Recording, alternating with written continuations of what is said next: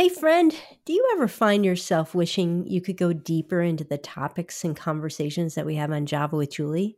Well, now you can. I'm excited to let you know about Second Cup behind the scenes of Java with Juli, which is a special opportunity for our member community to meet with me every month to discuss recent Java with Juli episodes. This new member benefit takes place live on Zoom the first Tuesday of every month. You can ask me your questions, and I'll share more thoughts on recent episodes and what's coming up next. So I hope you'll join me on March 7th, which will be our very first episode of the Second Cup, and that will be at 1 p.m. Eastern Time. And if you'd like to join our member community for Second Cup and other member benefits, just head to authenticintimacy.com slash member.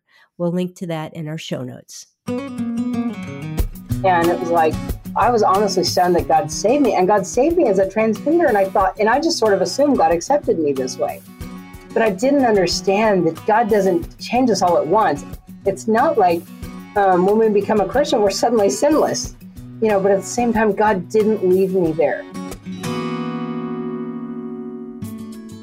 Hey, friend, welcome to Java with Juli. I'm Juli Slattery, and I'm so glad that you've joined me today. This podcast is an outreach of Authentic Intimacy, a ministry dedicated to reclaiming God's design for sexuality. The clip you heard at the top of the show is from my guest today, Laura Perry Smaltz, and she's going to share her story, her testimony of struggling with gender, transitioning to a man, and then coming to Christ and eventually leaving the transgender lifestyle. Laura was recently married and she's written an autobiography called Transgender to Transformed. She's passionate about helping all of us surrender our whole selves to Christ.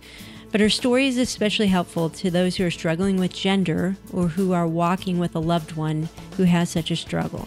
We'll provide a link to Laura's autobiography as well as some other helpful podcast episodes I've done on the topic of gender dysphoria. I've had some great conversations with some of the most well respected experts in the area of faith and gender. We'll link to those in our show notes and at authenticintimacy.com. Let's head to the coffee shop for my conversation with Laura Perry Smaltz. Well, Laura, thank you for joining me for Java with Juli. It was such a pleasure just a few weeks ago to meet you in person when we spoke together at a conference. And I'm like, hey, you got to come on the podcast. And you agreed. So thanks. Yeah, I'm glad to be here. Yeah, well, I have been hearing about your story probably for the last year or so. Some of our listeners might be familiar with your testimony, and some of them aren't. But in a nutshell, why don't you share kind of what God has been leading you to share with others, and then we can unpack some of it. Yeah, um, you know, I lived in a, a, transgender lifestyle for about nine years, and that's the part of the testimony that a lot of people are familiar with.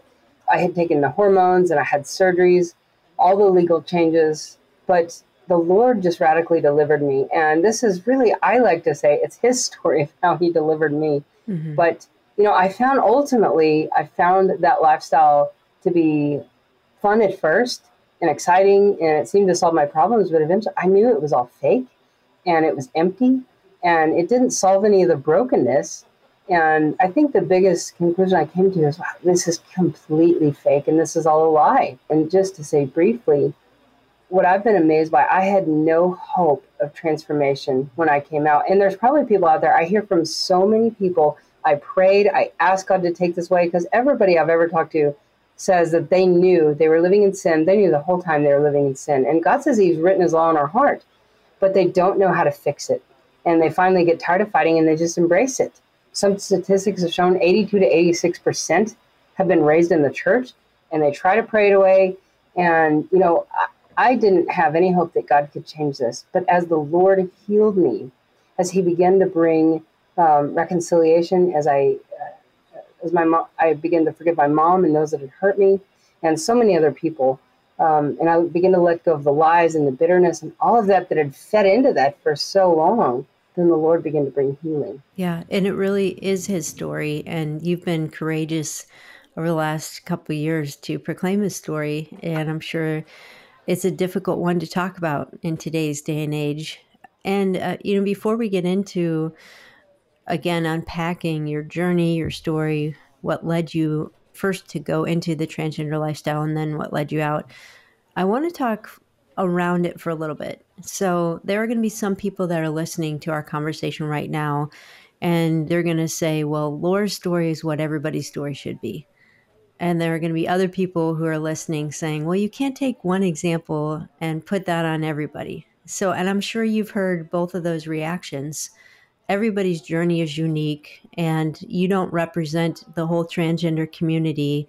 But why is it important to tell our stories, even if our story isn't going to be the same for everyone? Well, and I think you're absolutely right. A couple of years ago, I was sick one weekend, and when you're sick, I had the flu. I didn't want to do anything but watch TV. Mm-hmm. And so I ended up watching hundreds and hundreds and hundreds of testimonies on uh, CBN. And the Lord taught me so much through this experience. And the one thing I learned is that every person's story was unique and individual and personal. The way that God, there were so many similarities of background, things that had happened to them, you know, there were so many common threads. The thing that was unique is the way God reached that person. It was a personal journey. And the reason I was relating it to that question is because they're right. This is an individual and personal journey. And yet, it was some of the same things that God would reveal about himself. He did it in an individual and unique and personal way. It was a personal experience. And yet, he's the same God. And God said he fashioned our hearts alike we have the in every story some of the common themes i heard was over and over you would hear and they were all walks of life. These weren't anything mm-hmm. to i mean some were lgbt but just all kinds of walks of life. And you would hear the different things that happened to them different experiential things but it was the same cries of the heart.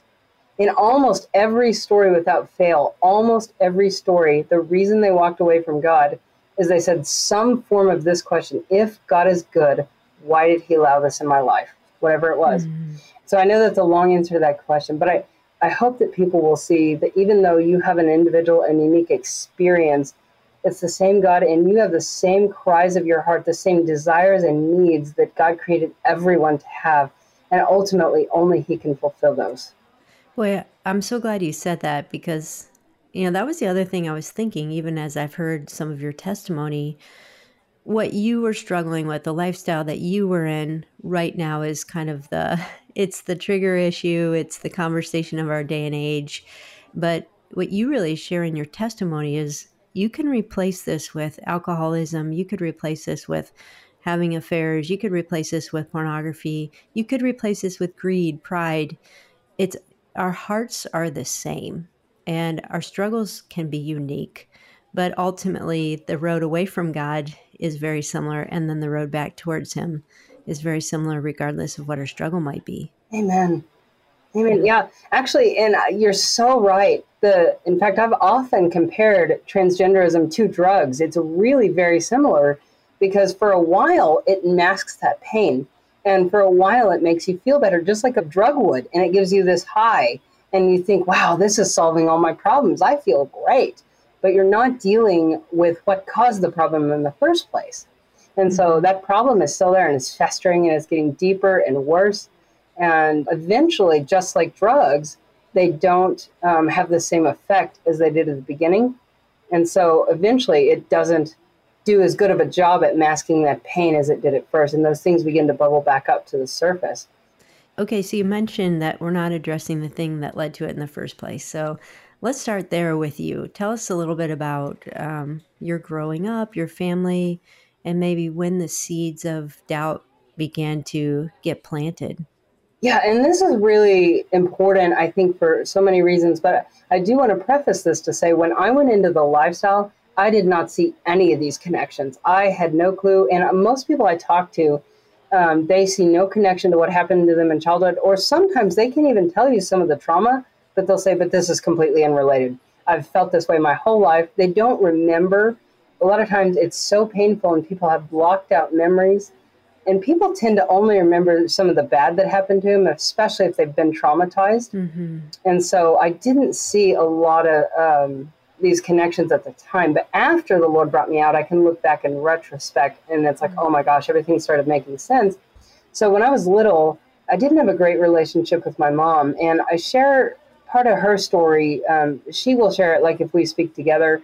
You know, she was, um, my poor mom had her own brokenness, mm-hmm. you know, and she tried very hard. She was trying so hard to please God, but she didn't really understand about surrender to God and letting Him work in her. It was so much about her works, and she was trying to earn God through these external works. You know, um, trying to. She said she used to feel like she was on a performance treadmill for God, and she could never quite earn His favor, and she couldn't fix the sin in her heart, and she didn't know how, and so she would just try harder and harder. And she would go to these conferences, and she'd get worked up, and then you know, she would fail again and she couldn't figure out why she kept failing. And then she'd go to these pastors and she would cry and she'd say, I don't know how to live this Christian life. And they would say, Francine, you just need to try harder. And mm-hmm. so she was in this like spin cycle of just trying so hard to please God, but never feeling like she was right with God. And uh, she said that, you know, well, this began to manifest in her having a lot of physical problems. She started having a lot of pain. She started having fibromyalgia she started having some heart problems. And she was in so much pain when I was little that she didn't want the sheets to touch her at night. She was just wow. in agony. And so my love language was physical touch. And I had a, and quality time as well. So I have this extremely busy mother that doesn't want to be touched. So my two love languages, she's not able to meet really at all. And my dad was the opposite. My dad was very affectionate. He spent lots of time with me. My dad played games with me every night. And so I had a lot of love, but the extreme difference in the two made me really feel like my mother didn't love me at all. Now, that wasn't true. My mom was doing a lot for me. She was killing herself trying to figure out I had lots of health problems. So she was spending lots of time doing things for me. But because she didn't um, wasn't able to spend time with me, she wasn't able to give a lot of physical affection. I felt very rejected by my mother. And so as a child, I began to believe that lie and my brother, um, who was very quiet, very obedient, and not as needy, and didn't demand as much attention, they were very close. And then my mother had miscarried two boys between my older brother and I. And so I think part of that close relationship was her grieving those two little boys. Mm-hmm. You know, and this was a lie I began to hear over and over and over um, when I was a child. My mom would always say, you know, girls are really close to their daddy, but boys love their mama. And there was mm-hmm. this divide in the house like, you know, and I was always kind of pushed toward my dad. You look just like your dad, you act just like your dad, you are two peas in a pod. And so I was pushed toward him a lot. And I think I see this, just to address this real quickly, I see this a lot in our culture. There is, for whatever reason, there is this pull for women to really be very, very close with their boys and for daddy to be very close to their girls. And that's not a bad thing, except that they desperately need the affirmation and the love and that closeness with their same sex. But for mm-hmm. whatever reason, there's a, a disharmony in that relationship. And so often I find that, that boys that struggle with either homosexuality or transgenderism, in a huge number of cases, I don't have exact percentages, but most of the cases I know of, they have an issue with their father. And mm-hmm. many times, girls have an issue with their mother. Now, it's not always the case. Sometimes girls go into it more because they've been hurt by men so there's a little more variance there, but with men, they almost always have an issue with their father. Mm-hmm. And uh, the reason these things are so important, and the reason I want to encourage parents, and I do not want parents to hear this is all your fault. This is yeah. not, not the case at all. So God was revealing to me several years ago, or a couple of years ago, I was on a flight and I was trying to think of like all the different ways kids could be deceived into this. And I thought, oh, here they could, you know, get into this, they could see that, they could hear this, blah, blah, blah. And I thought of about 10 or so ways, and all of a sudden the Holy Spirit flooded my mind with endless possibilities. And I just started weeping, and I said, God, this is overwhelming. How do I keep these kids from being broken? And he said, You can't. You can lead them to the wand that will heal their brokenness. And I realized, you know, when it says that the Messiah came to bind up the brokenhearted, that's all of us. Yeah. And we are all sinners raising other sinners. And we can't raise a child that will never be hurt by us. The reality is, we're sinners and we sin against those we love most. That's why we have to model forgiveness and humility and confession, which I don't think is modeled in the church very well, and it's not modeled in the home very well sometimes. Mm-hmm. So, a child's perspective, we don't realize now because we've been through a lot of life as adults. Um, we realize that we can be hurt, but then we can be healed. Relationships can be mended. But a lot of times, children don't understand that. Their parents are like superheroes to them, and we're all created for the Garden of Eden. You know, we're not created to be in this broken, sinful world. So a child has no expectation of being hurt, of being wounded. And so, as they're hurt in life, it's extremely devastating. Even if it seems very minor, something that was said can be extremely wounding and devastating to the soul. And a lot of times, the child doesn't know how to express that. In my studies, and I'm not a scientist by any means, but I've really been studying God's design of male and female. And one of the interesting things I found was that they, they said in children, there's a part of the brain that processes emotion that's a much smaller part of the brain. And then when they're older, women actually, it for some reason, a different part of the brain that's a lot larger begins to take over, and women are able to process emotion better. But children, literally, it is physically harder for them to express their feelings. Mm-hmm. And so a lot of times a child can't tell you how they've been hurt and what's happened. Uh, they're not able to process it in the same way.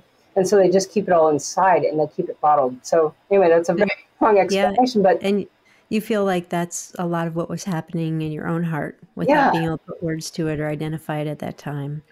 Right. And so I really began to believe as a child that my mom didn't love me. I felt so rejected by my mother. And then once I had that lens on, everything in life got put through that filter. And the enemy would come in and say, See, she doesn't love you.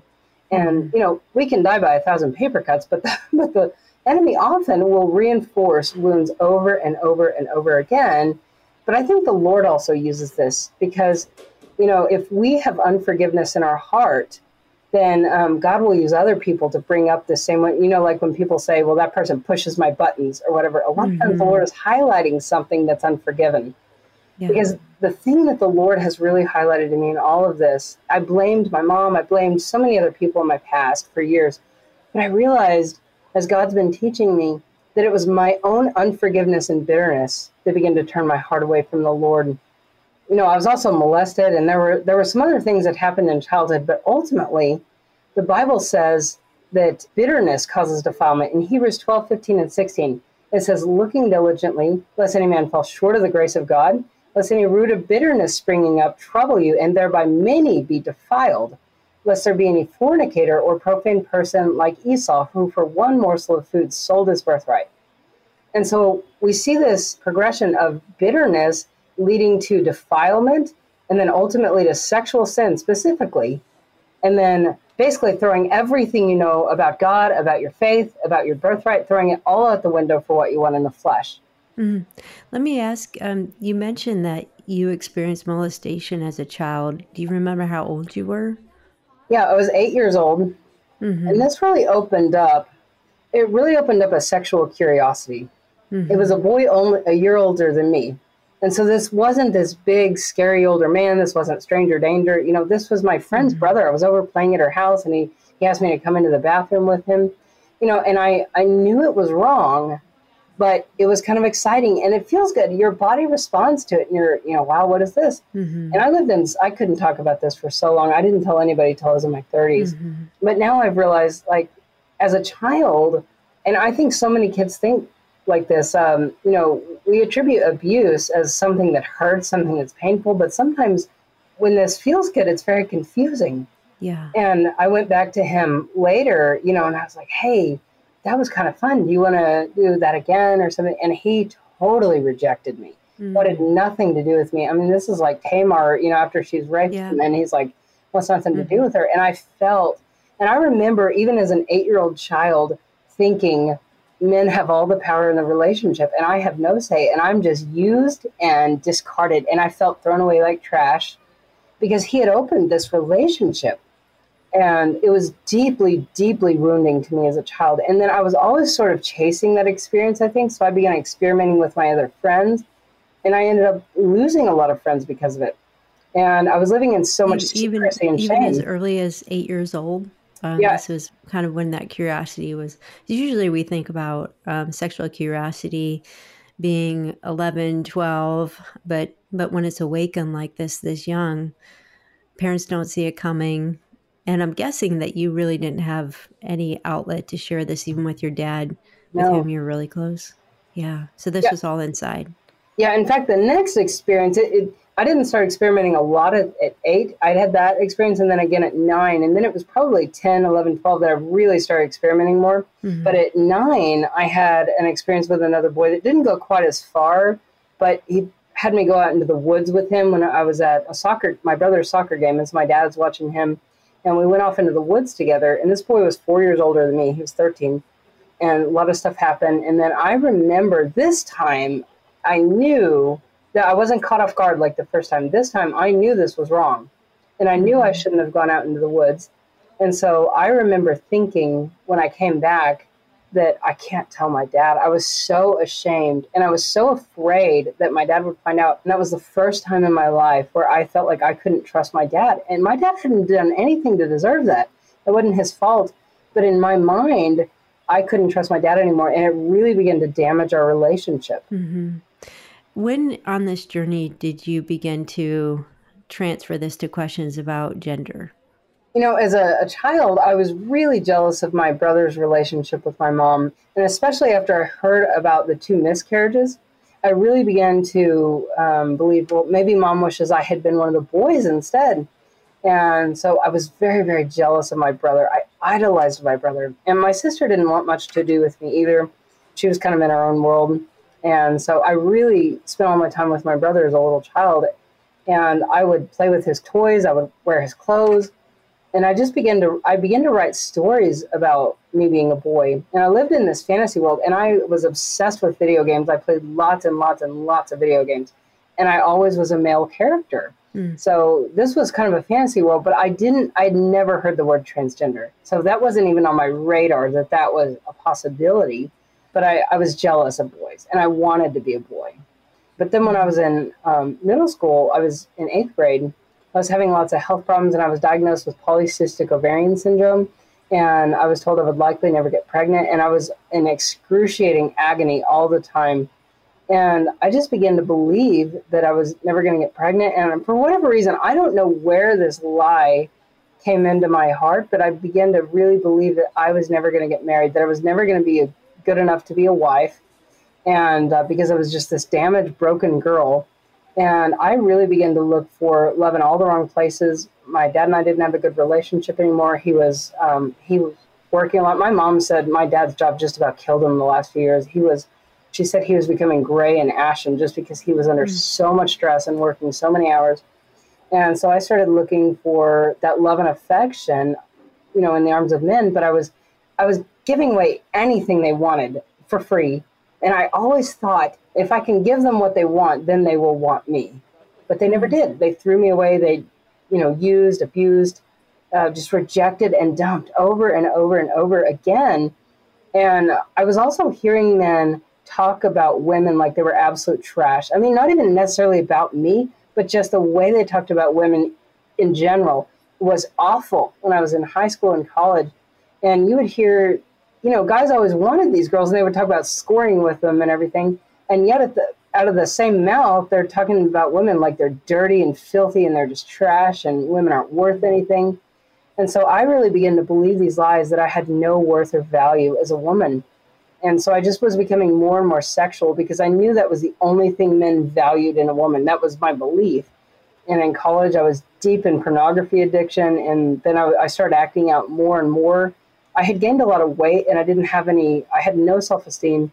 So I couldn't even, I was trying to give it away free and still couldn't get men to love me. And so I finally joined an adult hookup site and began having um, random one night stands all over the state. And I remember going to these encounters so hopeful that this man would actually like me and want to be with me. You know, I was just, I didn't understand what I was doing. I mean, I did, but I, there was always this hope that one of them's actually going to love me and want to keep me. Um, but I would leave feeling so ashamed and so dirty and so worthless and just emptiness and the ache in my heart. And so it was after that that I was about um, 25 at the time, and I thought, you know, the reason this never works, the reason I'm never happy is because I was supposed to be the man. If I was the man, I know how to treat a woman. And so I, and I looked back on my childhood. Once I really kind of embraced that lie, I looked back on my childhood, and it, and it was like, it all makes sense. I've felt like a boy my entire life, and I didn't see mm-hmm. where those lies had crept in. I just remembered playing with my brother's toys, wearing his clothes, always wanting to be with my brother, and I had more testosterone naturally, so I was very strong for a girl. And so I, I began to think about all these things that sort of gave me justification for why I was supposed to be a man. Mm-hmm. So you were in college, and uh, boy, that makes a lot of sense. And thank you for taking the time to share your testimony and how you got there, because I think along the way, so many people can identify with the pain, the brokenness, the questions, the doubt, the acting out. You know, it's not like one day you just become transgender. Everybody's journey is unique, but right. there is a road of how the enemy takes our lies and takes our shame and our doubts and he plays on them. And again, I think we can all see that in our own lives. You're in college, you begin to put these pieces together. What steps did you take? And it sounds like you came from a Christian family how did your family react when you began telling them that you wanted to be a man? I wasn't in a lot of contact with my brother and sister by that point. We weren't real close, but my mom and dad um, didn't react well. And honestly, this was the, you know, I want to encourage parents when somebody is living in darkness, so often what um, what we perceive is so opposite of what's actually going on. So they're crying, and they were the night they found out, and they are begging me. They said, "Please, we will get you help. We will do anything. We love you so much. We will do anything to help you. We'll get counseling." And I did not want help. I didn't want to admit that it was possible to change the mind to be healed, to embrace being a woman, because I didn't want to be a woman. There was so much pain there. And I didn't feel like I had any value as a woman. I like I would have rather been dead at the time than be a woman. And mm-hmm. so um, that was just not even on the table.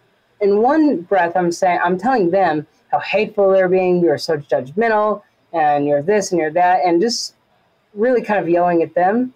But I look back on that, and that was one of the times that I felt the most loved by them because I remember the pain and the sorrow in their eyes and the, them saying, trying to help me. And I knew that they were giving me very rational, logical arguments, and I just didn't care.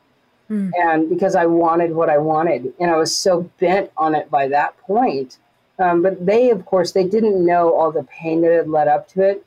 But by that point in my life, I was in so much pain. I didn't want to talk about it, and I don't know that I could have. I just wanted the pain to go away. And I think that's mm where so many of these young people get to. Mm-hmm. You said that they didn't react well at one level, it sounds like they did react well by showing their grief and their love.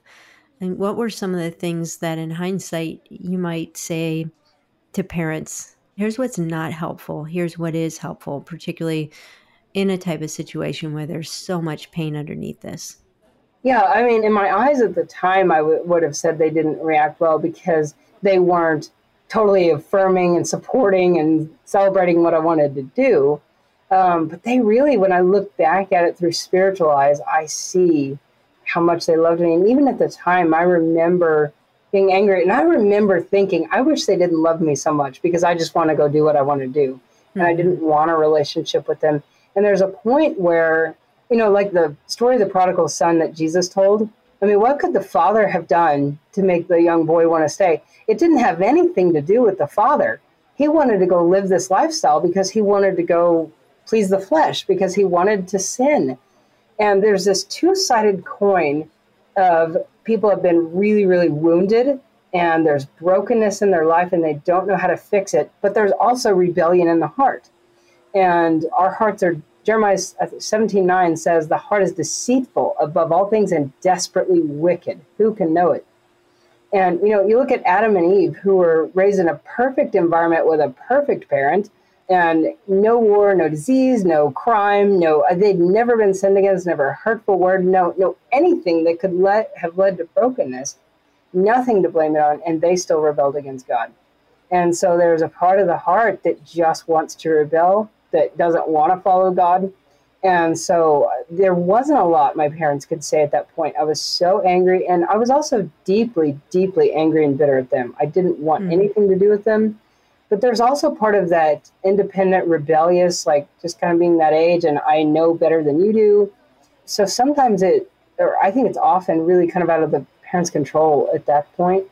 I think what is helpful is just what they did, you know, trying to understand. They tried to ask me questions. They really actually were very loving. when I say they, they didn't respond well, it was because I wanted them to affirm and celebrate what I was doing. Mm-hmm. But we can't as Christians, and that's not ultimately helpful. God doesn't do that. You know, if we tell God that we're going to go out and have an affair today, God doesn't celebrate that and say, Oh, I think that's wonderful. I'm so glad you found somebody that's going to make you feel mm-hmm. good. So, as parents, we can't do that either because ultimately this led to a lot of destruction in my life. Mm-hmm. So, you began a sex change through hormones. Did you get any surgical procedures? You changed your name, you changed your appearance. Kind of what did that look like? Yeah, I, you know, and what's sad too, right before I began this journey, I had to go to a therapist and I did not want, well, even before that, I found a support group in Tulsa where I was living. And within five minutes, they were like, oh, you are definitely transgender. And it's like, I knew it. I knew this was mm-hmm. me. And um, I, I, was worried I would never look like a man. And they said, oh, don't worry about it. After a year or so of taking hormones, no one will ever know you were a girl. And that's what I'd wanted to hear all my life. I mean, that was really like this hook that got set in me. That's like, and I was hell bent at that point. I didn't want to hear any other opinion. I did not want to know that this could be solved any other way. I was going to become a man. And I really believed the lie that I would become a man. I didn't understand the science. I hadn't really thought it all the way through.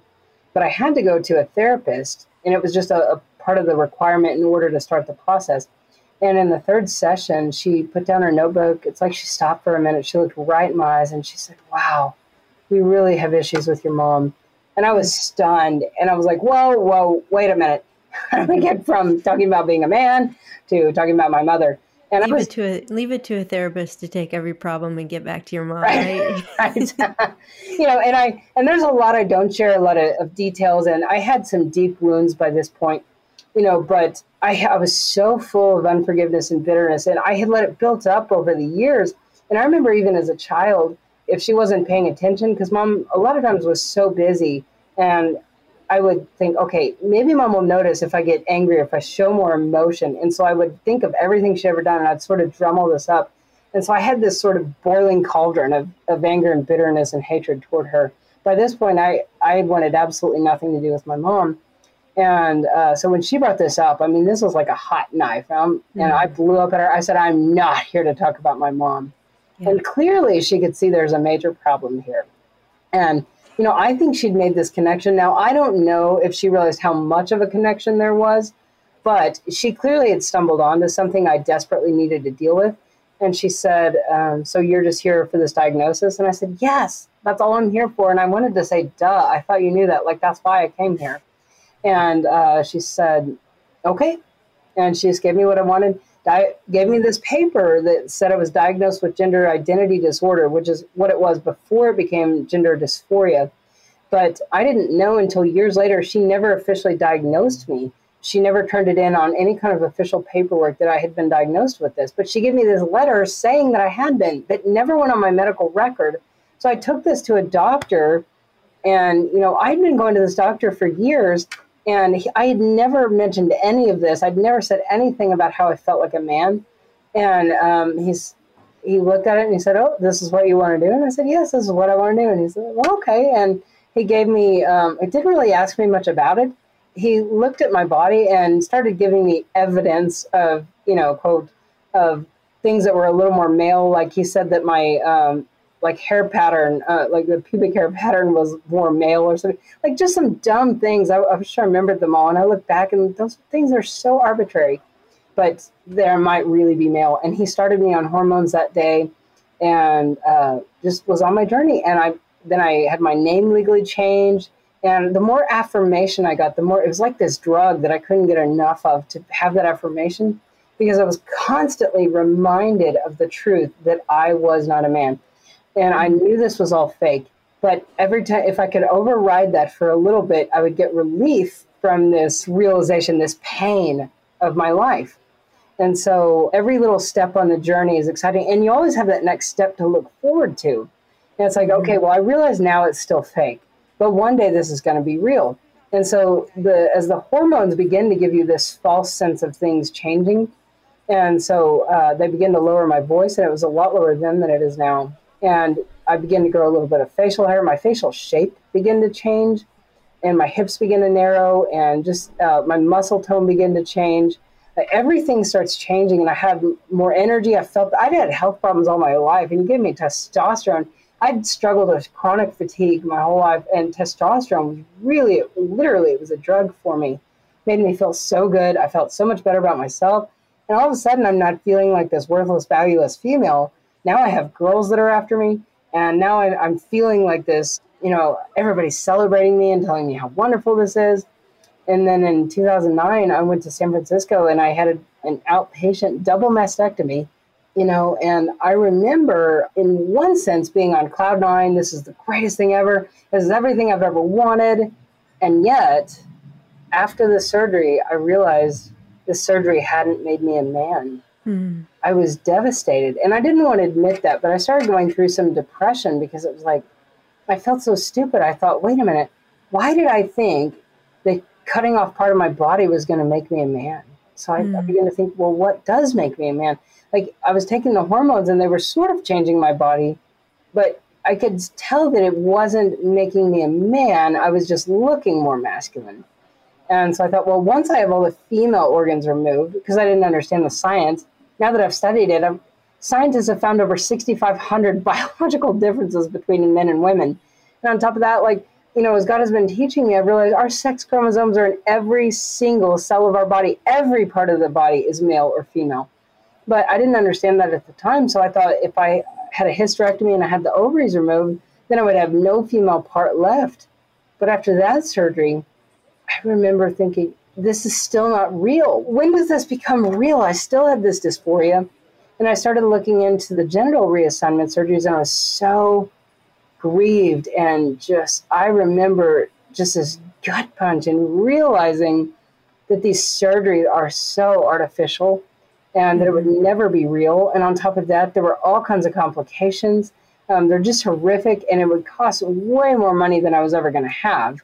But I remember it said 40 to 60 percent at the time. I don't know what the current statistics are, and there's a lot of false information out there and a lot of skewed statistics, I think. But my research at the time said 40 to 60% would lose all sexual feeling permanently. Wow. And I know there are so many devastating problems now. I've heard of a large number of percentage of the women that have this have urinary problems, urethra problems.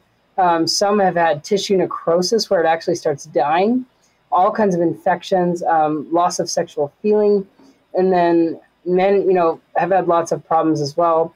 And a lot of them say the men say that they don't have the depth that they're supposed to have. I've heard just horror stories, but they say uh, Marci Bowers, which I don't know his real name, but he's a male to female transsexual that has done thousands of transgender surgeries. He's one of the most well known transgender surgeons.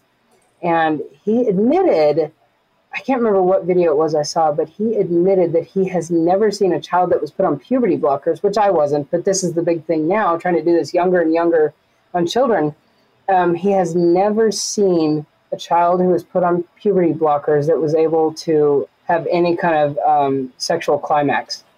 He said it's not physically mm-hmm. possible, it's taken that away. And so this is just having devastating effects on these children. So anyway, all these surgeries and everything are just destroying them. And they think they're going to have this great sexual experience as the opposite sex, but it's just not likely. Hmm.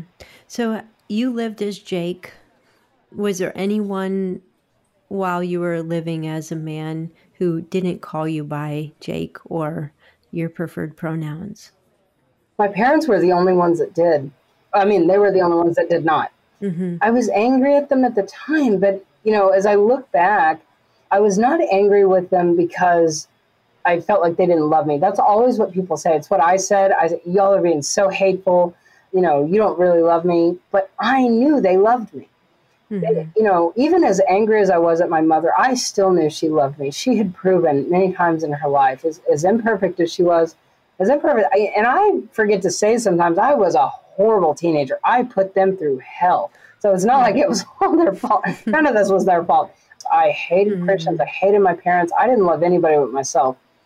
But my parents, I was angry at them at the time. But the truth was, I was angry because I didn't want to hear the truth. I was trying to suppress the truth. Romans 1 makes it really clear that God has revealed himself to every man and every man will stand before him without excuse. And they may not know all the ins and outs of the gospel. They may not understand it. In fact, I sure didn't.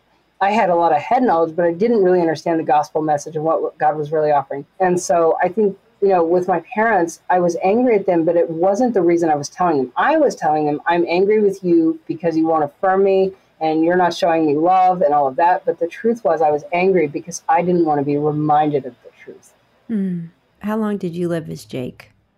I lived as Jake for nine years. And what was it that you had all these doubts, all this disappointment, but you're running away from God, you're resisting? What was it that first began to soften your heart towards the Lord?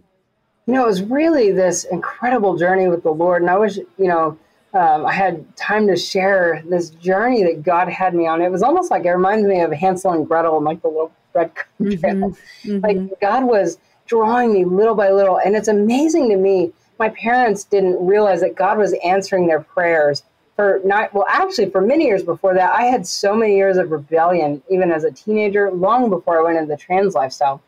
But God was drawing me and I did not want God. I kept running away. I kept resisting him.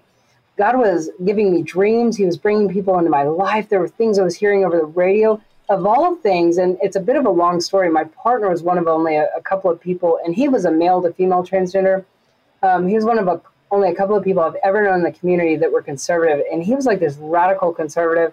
So we got into politics. I started listening to talk radio at the time. I'm listening to, as transgender, listening to conservative talk radio, but they would talk about God once in a while. So that was one of the things God used over the years um, to just soften me little by little. It just sort of chipped away at the, this hard shell I'd built around myself. But one of the most profound things is my mom, she had asked me to make a website for her Bible study. Now, during this time, I didn't realize it, but God had been radically changing my mom, my dad as well. Um, but my mom just had this, just this huge transformation that I hadn't really seen. I was seeing glimpses of it because every time I went to dinner with them, they would have me, um, they would take me out once in a while. We didn't have a great relationship. It was very shallow, very surface, but they didn't realize what I was thinking inside and I began to see that Jesus was not just what they did anymore or what they believed, it began to be who they were. Mm-hmm. And they were so filled with the Spirit of Jesus that it just began to spill out of them. And they weren't preaching at me and they really weren't even focused on me. You know, I think, and this is true with so many parents, but I think my parents for so long were so focused on me and they were trying to fix me. And if we can just get her fixed, it was like this was their Christian duty to fix their child you know, then everything will be okay. But they realized they couldn't fix me, and they really began to surrender to the Lord fully and really began to cry out to the Lord. And so God took my parents through this time in their life where they just began to pursue Him and really surrender me into His control. As they did, as they really, so it's like they turned around and just began to pursue Jesus, not to abandon me. They were praying for me, you know, all the time, but they just began to trust the Lord with my life. And so they began to pursue the Lord. And as they did, my parents were so transformed. So as I was working on this website for my mom, and you know, people have thought, "Oh, Francine, this is brilliant. You figured out a way to get Laura to read the Bible." She had no clue that I was going to read the lessons. She only asked me to do the website, but I thought that I would summarize the lessons for the website. And I was just kind of skimming. I was trying to find a good quote here or there. I really wasn't reading, but things would jump out at me.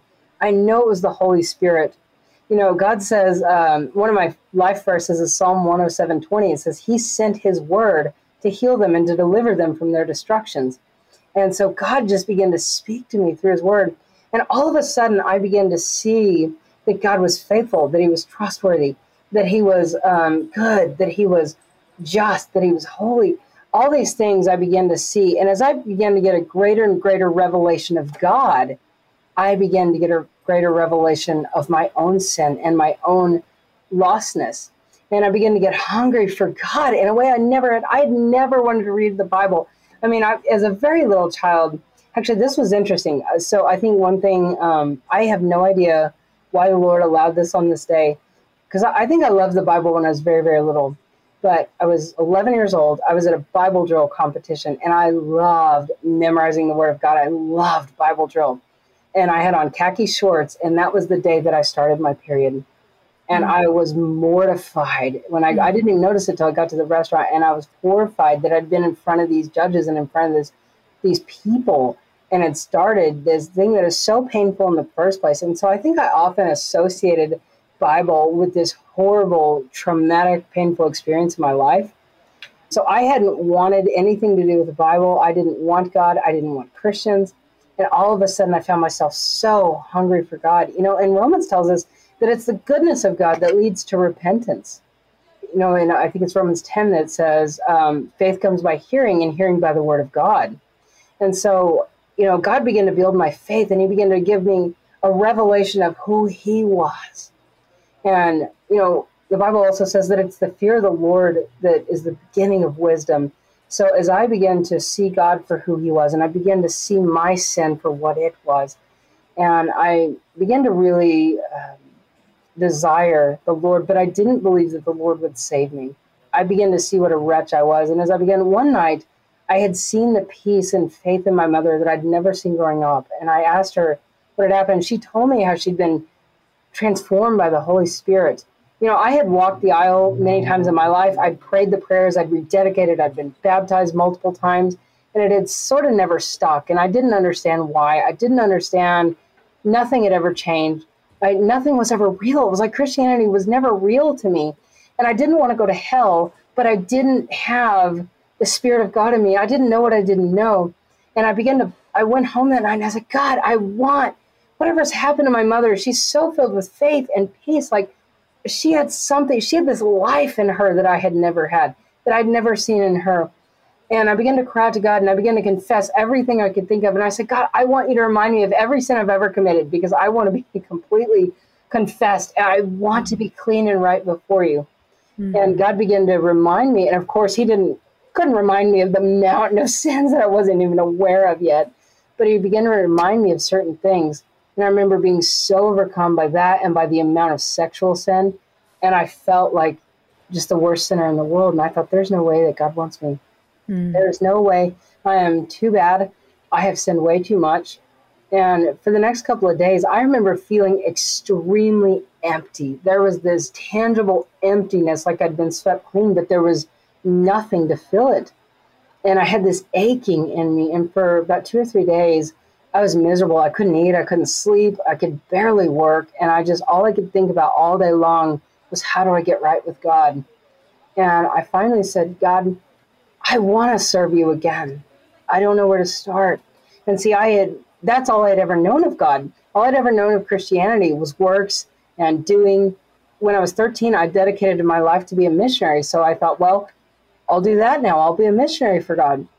But I, I didn't know how to get there. And God gave me this incredible experience where I, He proved to me He was not done with me yet. And I was so amazed that God wanted me. And I had never in my life, I don't know what the difference was this time. It's a supernatural work of God. But yeah. He does say, one, God gives grace to the humble. You know, I mm. think that's so often not. Pre- we try to build people up in order to come to Christ, and we tell them how wonderful they are. And there's a point where they need to hear that God loves them, that God has a plan and a purpose for them. But people also need to be aware of their sin. God gives grace to the humble. And He also says, You will seek me and find me if you search for me with all your heart. This is the first time in my life where I wasn't coming to God because I was tired of, you know, there were times that, that sin got tiring or that you know I didn't want to go to hell, or you know I had all these other reasons I was trying to please people, whatever it might be. This was the first time in my life where I was so hungry for God, and I really, after this incredible experience I had with the Lord, I said, "God, my life is yours. I give you everything." And I got so radically transformed. I didn't understand what it meant to be born again, but after that moment, it was like, "This is what it's like to be born again." My heart was changed, and I knew I was a different creature, and I was like, why didn't anybody ever tell me this? I didn't know. In the Spirit of God, I could feel the Spirit of God given to me. I remember feeling regenerated, and I could feel this life in me that I'd never had. And I was so on fire for Jesus. And I remember things just all of a sudden making sense that never had before. I remember the hymn, uh, There's Power in the Blood, came back to my mind. I'd hated that song as a child because I never understood it. Uh, like, how is there power in the blood? I bleed all the time. There's no power in it, right? You know, and I understood that Jesus died for my sins, but I just couldn't connect it.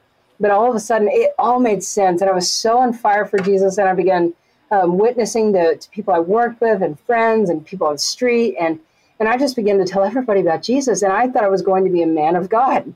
Hmm. But the Lord wow. began to draw Wait, wait, wait, time out there. Say that again. you thought you were going to be a man of God. So when you came to Christ, there was no awareness of that God was going to change everything, including your understanding of male and female.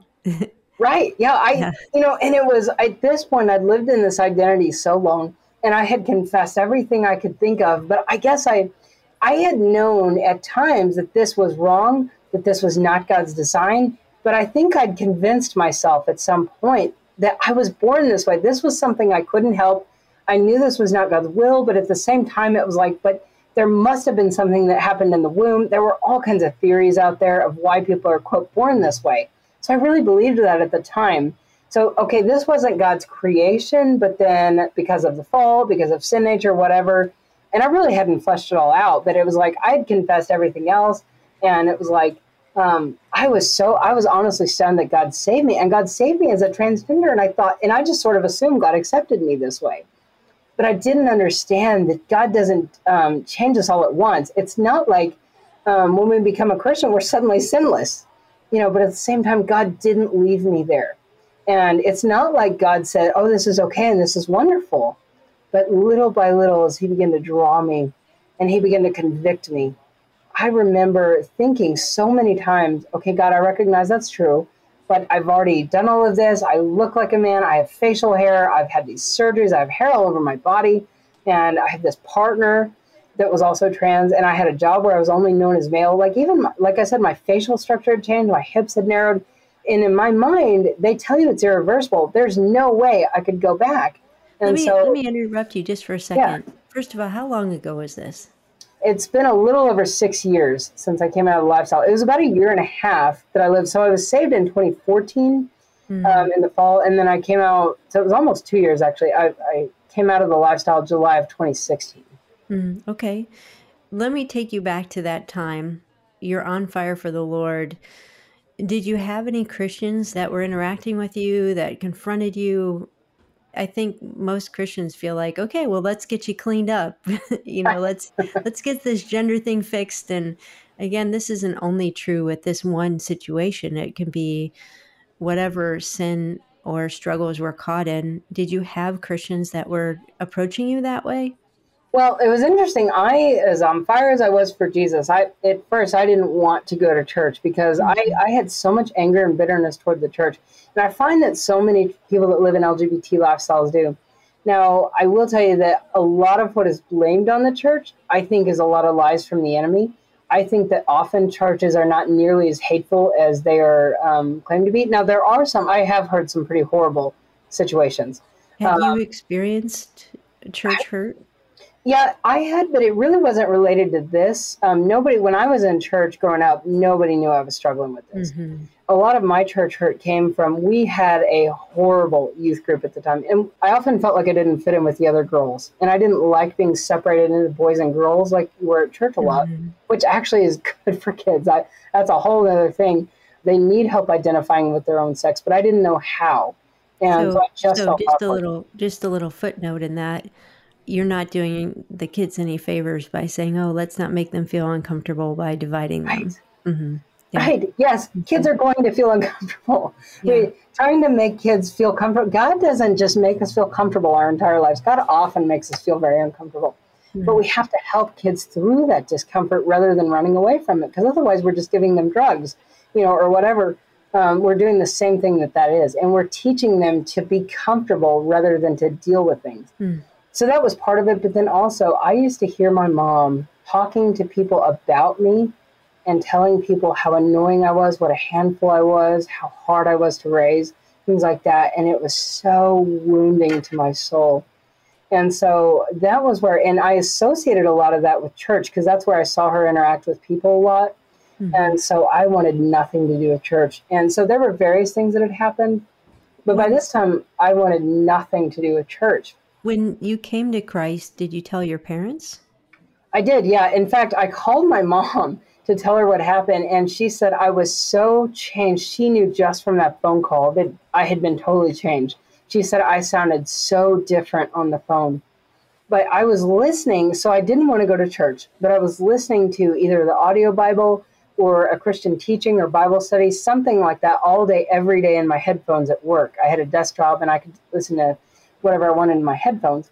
And I was so hungry for the Lord.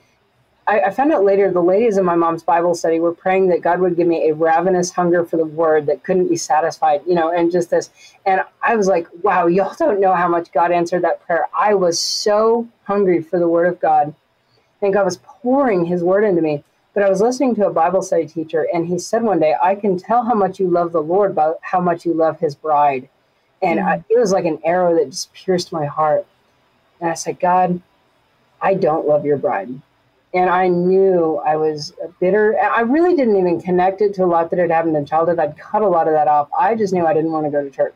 And so I began to pray that God would give me a love for the church. And I kept thinking there were so many times that I wanted to go to church, but I'm not kidding. I had so many things happen where I would wake up sick or um, various things. And every week there was something that would happen. And it could have been the enemy, but I honestly think it was the Lord. Because I think if I'd gotten in a church as Jake, it might have mm-hmm. been a lot harder for me to come out. If I had normalized that as a Christian, but I had this awareness. Uh, and I, I, would think, well, what if people find out? Mm-hmm. And this wasn't really accepted in any church. Now we have churches that are affirming of this but I didn't know how people would react. Or I wanted desperately to go into ministry. I wanted to be a missionary. I wanted to go on the Mercy ships. That was one thing I, I don't know if people are familiar with that. It's associated with YWAM. Mm-hmm. I had been a part of YWAM at 19, and I wanted to go be on the Mercy ships. And I was going through, okay, what am I going to do if they find out that I'm taking testosterone? Or what if they, they you know, like male and female changing rooms? And just, I began to think it through some of the practical things because I still didn't have male genitalia, you know, and so I began to realize, wait a minute, like how is this going to work with me being a Christian and yet being trans?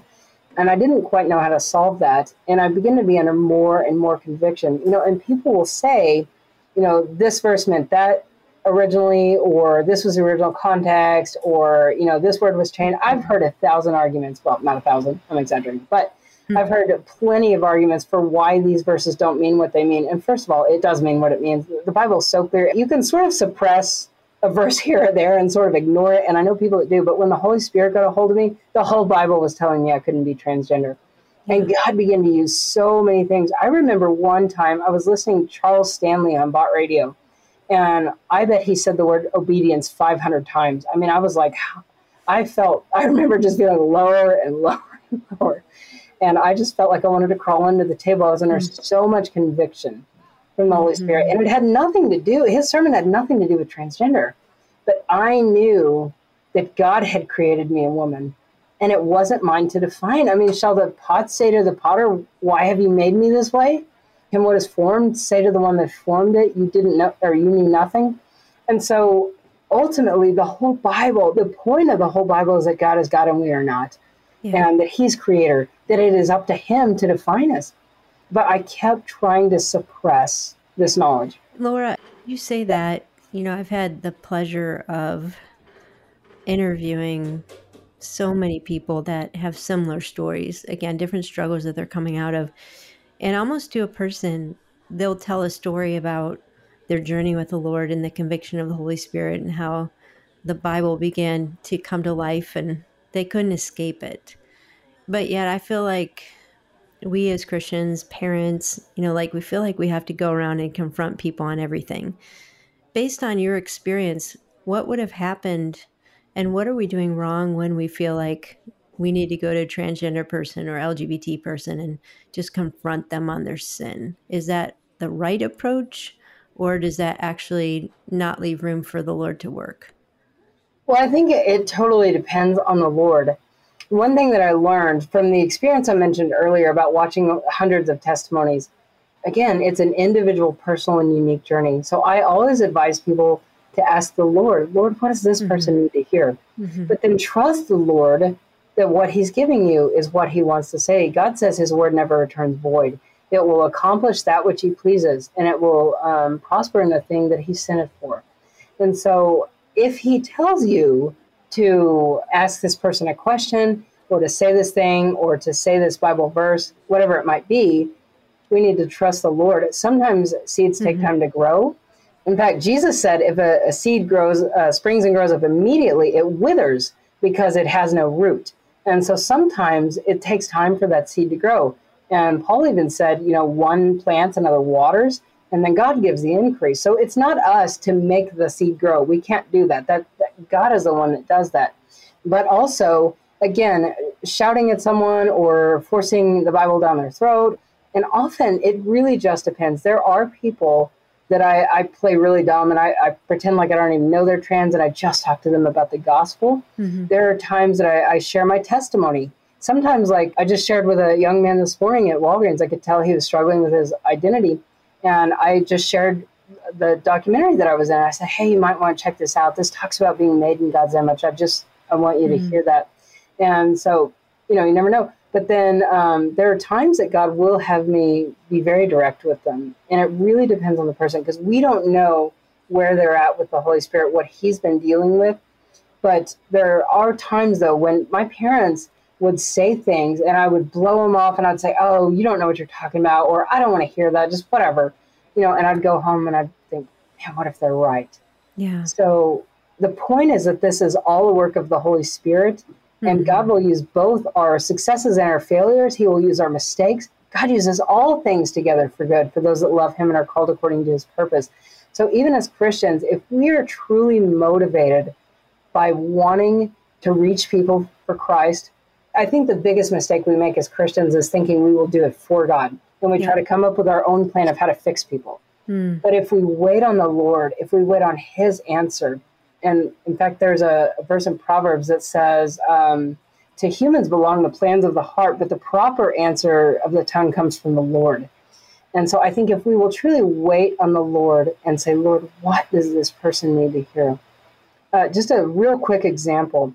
I was out running one time and um, God had me, and it's a really cool story. I wish I had time to unpack, but the, basically, I God had me stop and talk to this young man. Had nothing to do with transgenderism. He was just I could tell he was depressed. He had a, a hoodie on. His head was down, and God had me. And I didn't want. I was tired. I wanted to get back home. It was cold, but God had me go talk to this young man. And I said, "Okay, God, you got to give me something. I'm tired and I just want to go home. What do I need to say?" And the Lord had me ask this question, and I said, "Hey." I just want to ask you a question. If you died tonight, do you know if you would go to heaven or hell? and his eyes bugged out. I, he looked stunned. I've never seen somebody's eyes look that wide. And he said, Why would you ask me that? And I said, Well, I passed you a moment ago, and God told me to turn around and ask you that question. And he said, I died last night. That was his words. Wow. He said he overdosed on heroin. And when he came to, his wife was passed out, and he gave her CPR. And then they were both alive, but they had both overdosed on heroin the night before. And that was at about 4:30 in the morning, and this was about 5:30 at night. So about um, about 13 hours. And he had literally been walking all over the city. He'd been walking all day asking himself that question. Wow. Oh, so that's an example of this really is a work of the Holy Spirit. It had nothing to do with me. I was just a vessel for the Lord at that mm. moment to ask him this question. Um, he ended up giving his life to the Lord right there on the street. He knew that God had already done the work in his heart. So sometimes people need to hear a Bible verse, and it really it's the word. Again, God sent his word to heal them and deliver them from their destructions. It's the word of God that will change people's hearts and lives. But we need to ask the Lord what this person needs to hear because it's his work in them, not our work in them. We can't mm. fix them.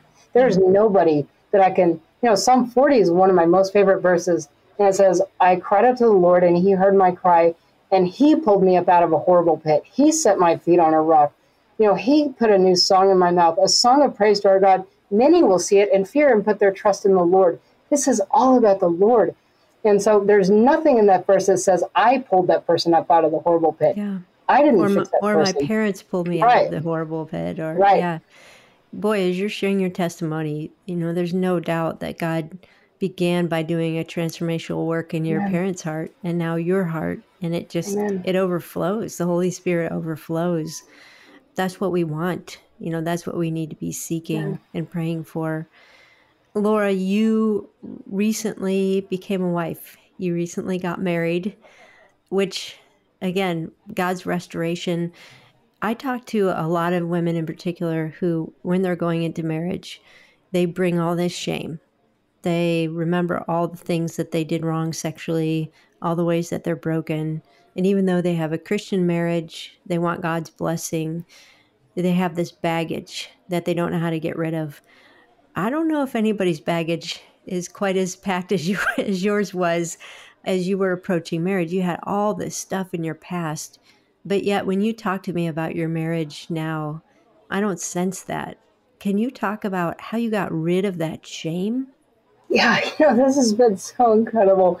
I'm so amazed by the Lord because, again, I really believed my whole life I was never going to get married. I just didn't believe there was anyone out there for me. I don't know where that lie came from. And I had not only the transgender journey, which in itself was so broken, but I had so many years of sexual sin. I had been with many partners, I'd been so abused by men. And I had deep, deep wounds. But over the years, after I left the lifestyle in 2016, and again, I had no hope of transformation. But as the Lord healed me, as He began to peel away the layers, as He began to reveal the lies I believed, as He began to heal my heart, and really what people don't get. So, one thing that I've learned is that in Romans 6, 7, and 8, I've really been meditating on Romans lately. And it talks about how the law, in and of itself, the law can bring conviction, but the law is powerless to convert the soul. The, the law cannot bring regeneration. It is the Spirit of Christ that brings regeneration. So, as the Lord, in fact, in Romans 8, it says that if the Spirit of Christ is living in you, then he who raised Jesus from the dead will also give life to your mortal bodies because of the Spirit that is living in you. And when I first heard that, I really thought that it was being repetitive, but I realized what he's saying is because that the Holy Spirit is in you, because the Spirit that raised Christ from the dead, that um, living Spirit in you will bring life to your mortal bodies. And of course, a lot of the rest of the Romans talks about how we can suppress the Holy Spirit, but as we surrender to Him more and more, as we allow Him to work in our lives, He regenerates us. So I, I want to make that point clear because I did not figure out how to fix myself. I didn't pull myself out of the pit, and I sure didn't fix myself. But as God began to heal those things, as I began to, um, you know, I mentioned earlier, bitterness and unforgiveness are so much of what leads a person away from the Lord. But as I began to forgive those that had hurt me, as I began to let go of the bitterness, as I began to let go of the lies I'd believed. And I remember practicing overriding the lies with the truth. No, that's a lie, and this is what God says, and being very intentional about that. I also got a lot of healing through the ministry I worked for. So I really, at that point, and then honestly, I love Revive Our Hearts, the ministry, the conference we were both at, where I'm so grateful to Nancy and to Mary that wrote True Woman 101. At the time, I did not want to do that study of biblical womanhood because I was kind of at a point where, okay, I'm willing to do this for Jesus, but I don't feel like a woman. I, I at that point, I felt like a woman. I knew I was a woman, but I still didn't like mm-hmm. womanhood necessarily. So mm-hmm. this was about two years into the journey, maybe. But I remember going through that study, and it was actually the first chapter. I was like, "This is so dumb. None of this applies to me," and blah blah. blah. And I was just kind of angry. But then the second chapter was about men and the way God's designed men. And I remember going, wow, I'm really not a man. And like God has designed me so differently. And I began to realize through that chapter that everything I that made me want to be a man was actually what I was desiring in a man. Mm. I had wanted so desperately to find a man who would love me, who would protect me, who would do everything God has designed a husband to do. But when I couldn't find it, I tried to become what was missing.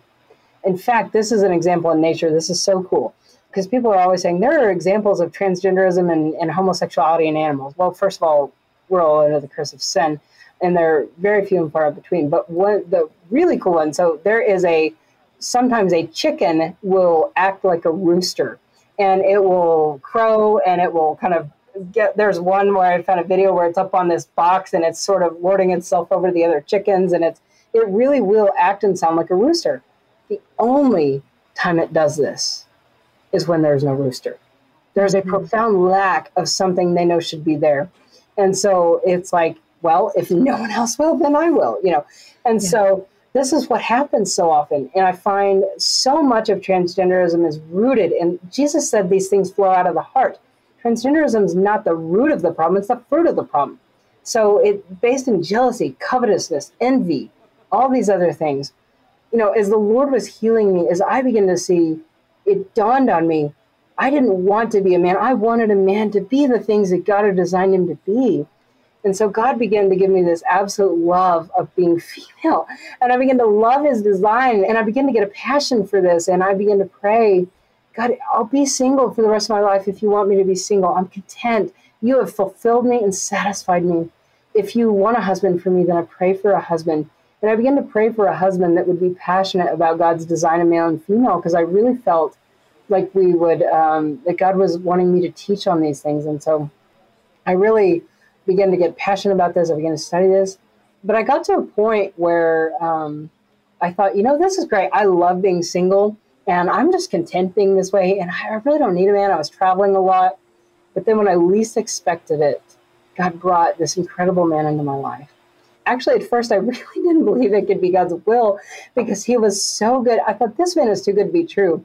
And so I had him meet with the director of my ministry, who we're very close. We're a staff of five. We're a very small ministry, and he's kind of like a family member to me, and certainly kind of a protective sort of um, fatherly role. And so, definitely like a spiritual father. And so, I had this man who I'd only been dating maybe six weeks, and I had him meet with Stephen for like three hours. Well, I didn't know it was going to be three hours actually, but I had to meet with him because I was really convinced he was going to tell me all these red flags he saw, and Lord, this is not good for you. You know, you need to run away from this guy. And I was stunned when he absolutely loved him. And he's like, he's the real deal. This guy is amazing. And we knew very, very early on that God had brought us together. And in the beginning, I was like, this is great. I'm totally healed. And, you know, I'm ready to be a wife. But then as we got closer and closer to, to getting engaged, it began to bring out this brokenness in me that still mm-hmm. wasn't healed. And I had major trust issues. Mm-hmm. And I would say, I'm sorry. you've got to understand how I was treated. And I would sort of rehash with them some of the things that had happened to me. And I'd say, I have been so used and abused by men. I have never had guys that want to spend time with me. They wanted to use me, but I've never, um, I just didn't have any trust. And it began to bring all these things out of my heart. And he finally, he looked at me with so much pain in his eyes one day and he said, Have I not shown you that I love you? Have I not shown you that I desire you? I was really stunned by this. And I realized that I had to make a conscious choice to stop looking at him through the lens of all the men of my past. Here before me was this incredible man that was pouring his love out on me. And I wasn't willing to receive it because I was looking at him through my past experiences. And you know, Ephesians 5 talks about how this represents Christ and the bride. Marriage is a picture of Christ and the bride. And there are so many ways that women relate to men that we are so much like we relate to God. And in the same way, people look at God through the lens of other people. Most of the time, when people are angry with God, it's because of things that have happened to them and because of people that have hurt them. And a lot of times, it's Christians in their lives, and they look at God through the lens of these imperfect people. But the reality was, I had to start just like I had to do with God, and I had to embrace the truth and believe the truth and stand on the truth of who I was as a woman.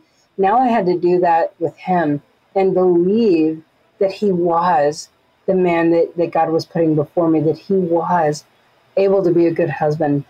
So as we grew in that relationship, and I had to learn to trust him. And then as we got, um, when we got married in uh, last May, I was so stunned by the difference between all the broken relationships I'd had and a marriage and the spiritual component of becoming one flesh and really being bonded in that way. And I've learned uh, the more that I embrace my femininity, the more it brings out his masculinity and the more confident he is. And this was one of the coolest things I'll never forget. I, I began to love biblical womanhood even more when I had, um, when we were dating. We were driving down the road or I was looking at the windshield. He was driving, but I was just I wasn't looking at him at the moment. And I was just kind of expounding some of my beliefs on this and what I believed about biblical womanhood, that I was willing to submit to him and all of this. And I looked over and he had tears in his eyes. Now he does not cry. Like he's not a real emotional man. And I was like, what? And I remember he he had this look in his eyes and he said, You're willing to do that? And there was this disbelief and yet this hope in him. And he really had a lot of women in his life put him down, I think, and felt kind of overrun. And I said, Well, yes, I, I believe that's what the Bible teaches me. And he, I'm not kidding, he sat up straight and he puffed out his chest and I was like, he was so filled with confidence. And I said, Now you realize that that means you have a greater responsibility that you're going to answer to the Lord for how you lead us. And he just, I mean, he puffed out his chest and he was like, Yes, I'm willing to do that. And I've never, it was such a beautiful thing to see how God intends this role as helper not to be a put down, but to be an encouragement to the man. God has designed the man to lead, to protect. And these things, the, the burden that God has put on the man is a very intimidating thing. So many men that struggle with homosexuality and transgenderism, which my husband never did. Um, he never had any of that background. But men that do, so much of the time, they feel inferior to men. They're trying to get in another man what they wish they had for themselves. And so when a woman is able to, because women so often, we're so broken and we tear men down. We put men down, we disrespect men so much in this culture. But when I saw that day what it meant to respect a man and to fill him with courage, and he was willing and excited to lead his family because I um, I was able to give him that confidence that I was behind him, that I was submitting to him and trusting in him and trusting God ultimately to lead him. And that I think was just a huge moment in our relationship that ultimately I think put us on a good foundation for marriage to be and it's kind of like when um, the tires of a car are all aligned. If you have a tire that's misaligned, that's going to keep pulling one direction and it causes a constant struggle. But when it's all aligned perfectly, then we can reach the goals that God is calling us to. If you seven years ago would have seen yourself today, what would you have thought? I honestly, this is so, I cannot even imagine because this is right at the time. I remember, so seven years ago, I would have been um, right at the point where God was really had me under so much conviction. I was listening to the radio, and I remember a man named Dr. Everett Piper who became uh, a good friend later. Um, but he said, We are not just made up of our instincts, our feelings, and our inclinations. We are not animals. We are made in the image of God, and we can choose our behavior despite how we feel. And I remember being under so much conviction. I knew God was calling me out of that lifestyle, but I thought there is no way. And I was willing to literally, and I had several conversations with the Lord, surrendering everything I could think of. And I said, God, I will give you everything. I don't care what happens to me in this life. I don't care what you call me to. I will give you everything, but I cannot go back to being a woman. There is no way. And yet later, God asked me, he said, If you stood before me tonight, what name would I call? And I was so, I remember being so grieved. I had heard the Lord calling me Laura in my prayers, and I didn't want to admit that. And he reminded me of John chapter 1 that says, Jesus Christ himself is the creator. He said, You cannot claim to love me and yet reject my creation. You know, and it just dawned on me as I'm thinking about that. The re- God created us as his creation to worship him he created all of creation, including us, to glorify him. We cannot glorify God if we put down his creation. Now, it is under the curse of sin. There are problems. We're all broken, sinful people, but his design is good. And in fact, he said his design of male and female is very good. But after that, when I realized, as he was saying to me, you can't love me and yet reject my creation, I thought I was being condemned because I was just not going to go back to being female. It's like, God, that's not an option. I will do anything else. Then the most loving voice I've ever heard in all my life, God whispered to me, and He said, Let me tell you who you are. And I didn't want to hear it at that moment. And yet, there was this hope that I was someone different than who I'd created myself to be. Because even in all of that, even as on fire as I was for Jesus, there was still this this ache in me. There, I didn't feel empty and void anymore. I really did have the Lord but yet there was something that I knew I wasn't quite right. And I remember looking at my, I had to get a new driver's license, but I remember looking at the photo and I remember looking at the, at my eyes and going, I'm not as happy as I think I am. And so as God began to draw me out of that lifestyle, I was amazed. Again, it goes back to that. I want to give people hope today because I hear from so many, I tried and I couldn't do it. Or I prayed and God wouldn't take it away. This was a process of dying to myself you know, Jesus said, if anyone will come, in fact, this is the, the verse that really drew me out of the lifestyle where I finally committed to the Lord to leave it. If anyone will come after me, let him deny himself and take up his cross and follow me. For whoever will save his life shall lose it, but whoever loses his life for my sake shall find it. For what does it profit a man to gain the whole world and yet forfeit his own soul? And so it really came down to being willing to lose it all for Christ. And I, I wanted Christ more than I wanted my next breath. And I thought, I'm willing to be an absolute fool for Christ.